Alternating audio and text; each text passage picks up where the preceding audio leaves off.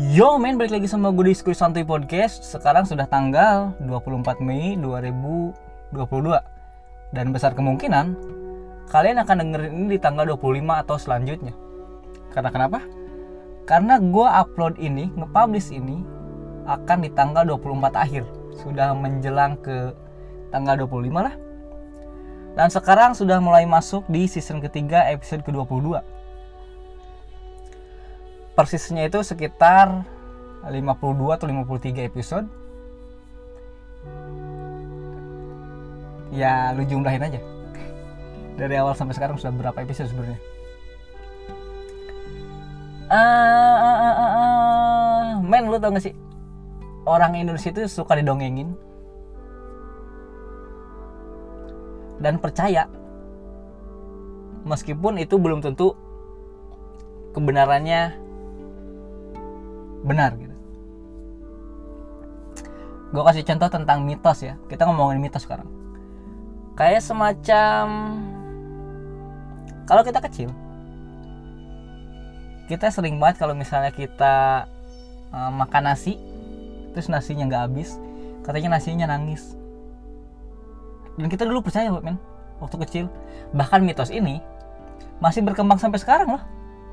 Ke anak kecil anak kecil masih di kasih mitos itu dan kita dari kecil karena sadar itu mitos sampai sekarang masih kita masih kebawa. Dan kita percaya nasinya akan nangis men? Enggak. Nasi enggak akan nangis tapi kalau kita telaah lebih jauh mitos ini bukan tentang nasinya nangis atau enggak tapi mengajarkan kita untuk menghabiskan sesuatu hal yaitu makan agar tidak mubazir. Ada nilainya loh. Iya nggak? Ya kita dikasih hal-hal yang mustahil mitosnya. Tapi kalau kita telah lebih jauh lebih dalam ternyata bukan tentang kebenaran mitosnya tapi ada nilai lainnya gitu. Supaya kita makan dihabiskan karena mubazir Terus itu mitos yang pertama ya. Mitos yang kedua itu kayak semacam dulu gue waktu kecil katanya nggak boleh duduk di depan pintu. Katanya jodohnya jauh. Ya iyalah men jauh men.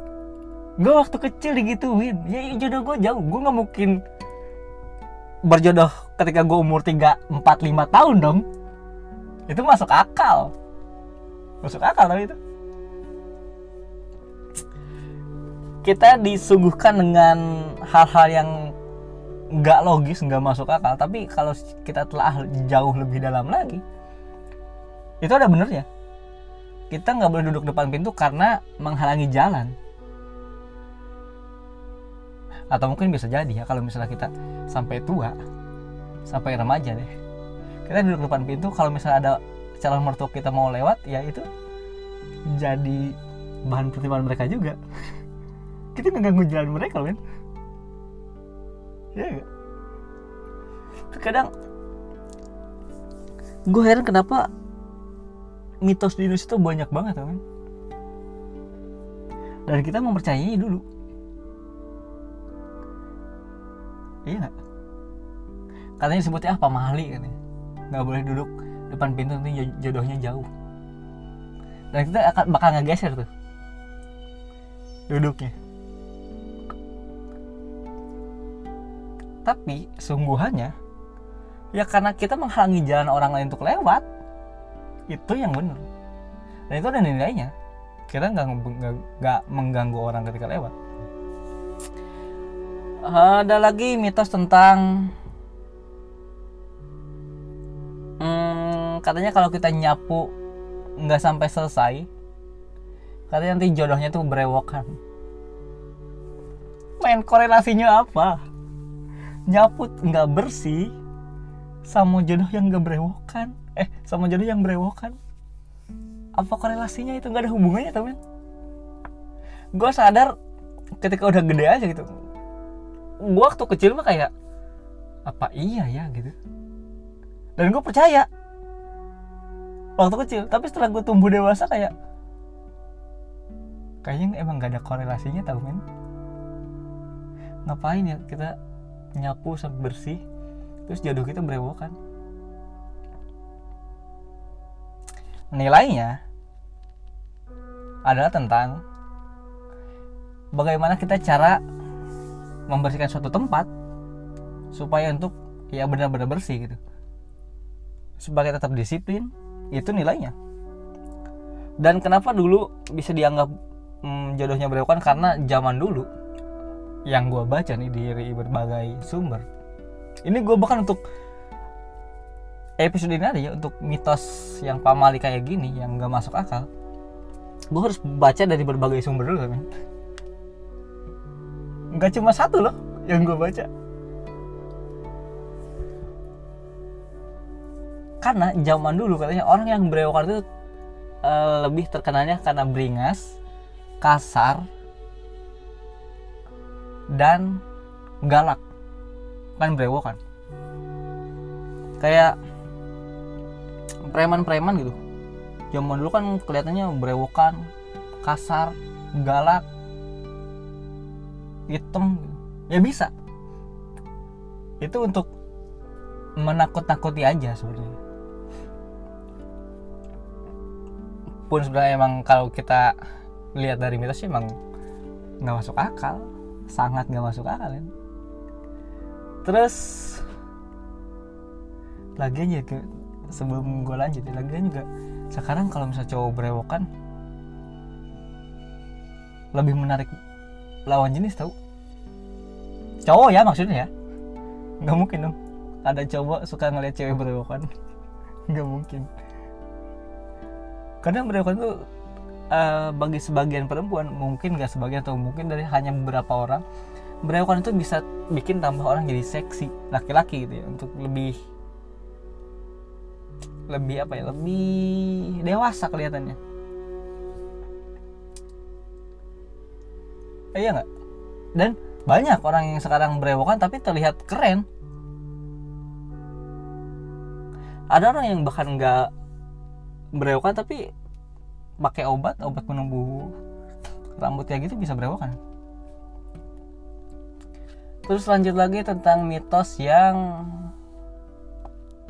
apa lagi tadi? Eh, nasi nggak habis nyapu terus depan pintu.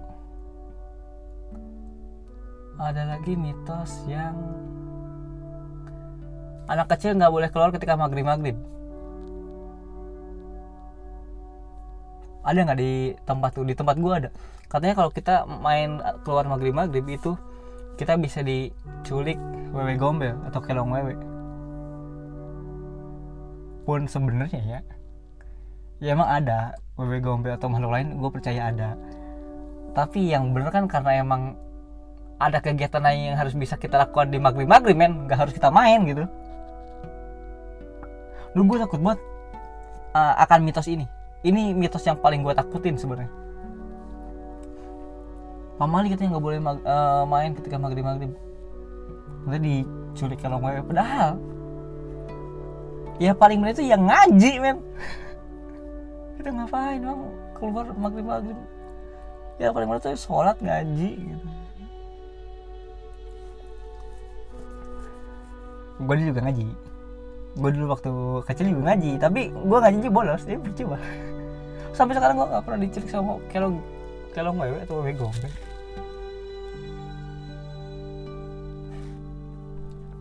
lagi mitos tentang uh, kita kalau misalnya ke pantai terutama pantai selatan kita nggak boleh pakai baju warna hijau katanya kita bisa dibawa oleh Nyi Kidul. Mitos ini berkembang sampai sekarang men. Orang tua menurunkan kepada anaknya anaknya percaya ketika anaknya dewasa akan keinget hal pamali atau mitos itu dan ketika mungkin anak ini ketika jadi orang tua lagi akan menurunkan lagi kepada anaknya. Tapi yang benar adalah warna pantai dari kejauhan itu akan warna hijau jadi baju lu yang bakal pakai ketika di pantai nggak akan kelihatan ketika lu mungkin berenang.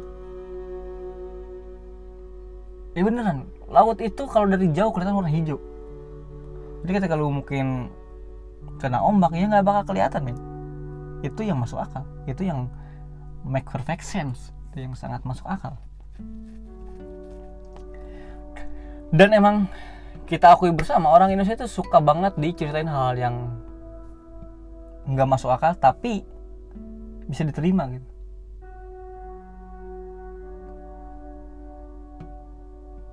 Contoh. Ada orang uh, mau naik jadi dewan atau mau DPR atau jadi apa pun itu legislatif dia kan selalu ngejanji ngejanjiin kepada rakyat tentang ini tentang ini tentang ini dan kita percaya ketika jadi nggak ada. Men sebenarnya mitos itu gue cuma buat bridging ke ngomongin politik. Itu doang. Enggak enggak enggak tapi emang iya kita bisa sepakati bersama orang Indonesia itu sangat suka didongengin dengan hal-hal yang nggak masuk akal atau mustahil. Sangat suka. Lo nggak percaya? Gue kasih contoh. Lo atau mungkin ini gue doang atau beberapa orang mungkin ngalamin ini. Gue ketika di rumah gue misalnya mati lampu mati listrik dulu gue itu sangat suka didongengin tentang zaman dulunya orang tua gue dan itu dongeng. Kita juga belum tahu ke tentang kebenarannya tapi kita senang aja gitu. Orang itu emang emang suka didongengin emang suka ngedengerin cerita aja. Dan kadang-kadang yang kayak gitu bisa melekat di pikiran kita. Mungkin bisa kita cerita lagi ke anak cucu kita nanti kelak. Jadi gue cuma minta kalau lu untuk yang sekarang dengerin gue jangan pernah atau kayak kita bisa lepas dari mitos itu atau lepas pamal itu tapi dengan cara ngasih tahu yang benarnya seperti apa misal kamu kalian punya anak nak. Kalau sapu nyapu itu yang bersih ya jangan setengah-setengah. Atau mungkin nah kalau makan itu habiskan ya. Karena mau bajir atau misalnya nah jangan duduk depan pintu ya. Bukan karena jodoh kamu jauh. Bukan. Tapi karena kamu menghalangi orang yang mau lewat. Dan nah kamu kalau misalnya mau main ke pantai jangan warna jangan pakai warna hijau. Bukan karena kamu takut di bawah makhluk halus bukan. Tapi karena warna pantai warna air itu warna hijau. Cukup bilang kayak gitu aja. Anak lu pasti bakal sadar akan ngerti. Kita nggak usah ngasih tahu lagi tentang mitos-mitos yang nggak masuk akal itu. Nah kalau udah maghrib kamu jangan keluaran keluar rumah ya. Mending kamu di rumah. Mending kamu belajar kamu ngerjain PR mending kamu ngaji. Mending sini sini. Cerita sama ibu sama bapak gimana hari kamu sekarang. Bisa kayak gitu. Dan itu pendekatan yang hangat menurut gue yang mungkin bisa lo terapin. Karena seiring berkembangnya zaman seiring berkembangnya teknologi anak-anak akan semakin pinter juga men mungkin ketika lu masih ngomongin tentang mitos yang pamali kayak gini anak lu mungkin bakal notice bakal sadar mana mungkin itu? Zaman sudah, sudah sekarang sekarang masih ada yang hal-hal yang kayak gitu, gitu tapi yang sangat melekat di keluarga gue dulu jangan duduk di meja nih nanti banyak hutang. Gue nggak tahu ini di keluarga lu ada atau nggak tapi di keluarga gue ini ada jangan duduk di meja nanti banyak hutang. Gue tahu orang tua gue banyak hutang tapi gue nggak pernah lihat bapak atau ibu gue duduk di meja. Jika emang punya hutang ya punya hutang aja gitu. Gak usah segala jalannya dari meja. Ya maksudnya masih ada tempat lain. Kamu bisa duduk di kursi bisa duduk di ranjang bisa duduk di bawah bisa duduk di tikar gak sedih meja karena itu nggak sopan. Dan itu ada nilai kesopanan. Ya nggak? Itu sih mas. Dari dibalik orang tua ngomong hal yang sebenarnya gak masuk akal tapi kalau kita telah jauh lebih dalam ya emang ada benernya. Tapi benernya bukan tentang omongan mereka tapi tentang nilai yang mungkin bisa kita ambil. Itu sih men jadi untuk stop untuk bilang pamali ke anak lu nanti kelak. Stop untuk bilang mitos. Itu cuma mitos.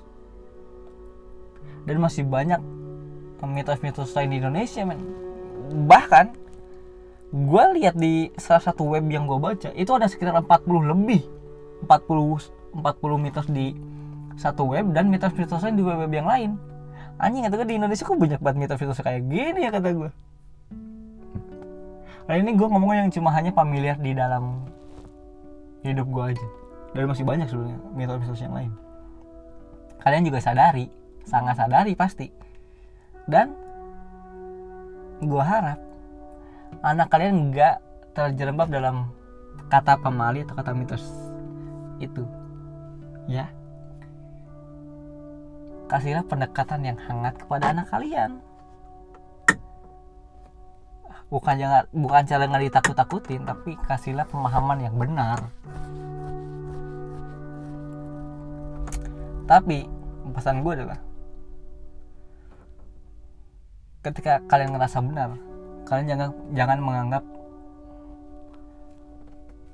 orang lain salah.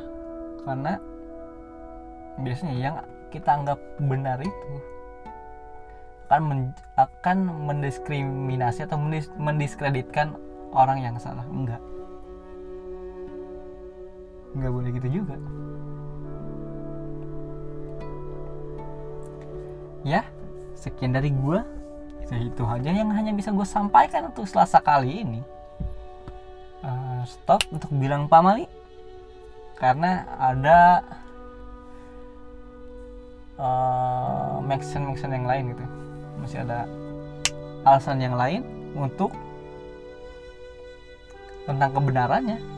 Dari setiap apa pun yang kalian ucapkan. Untuk apa pun yang kalian larang kepada anak kalian. Kasihlah pemahaman yang benar. Jangan ditakut-takutin. Terus sekian dari gue tetap jaga diri kalian tetap jaga kesehatan kalian. Bahagia selalu buat kalian semua. Uh, gue Bubi dan see you Bye bye.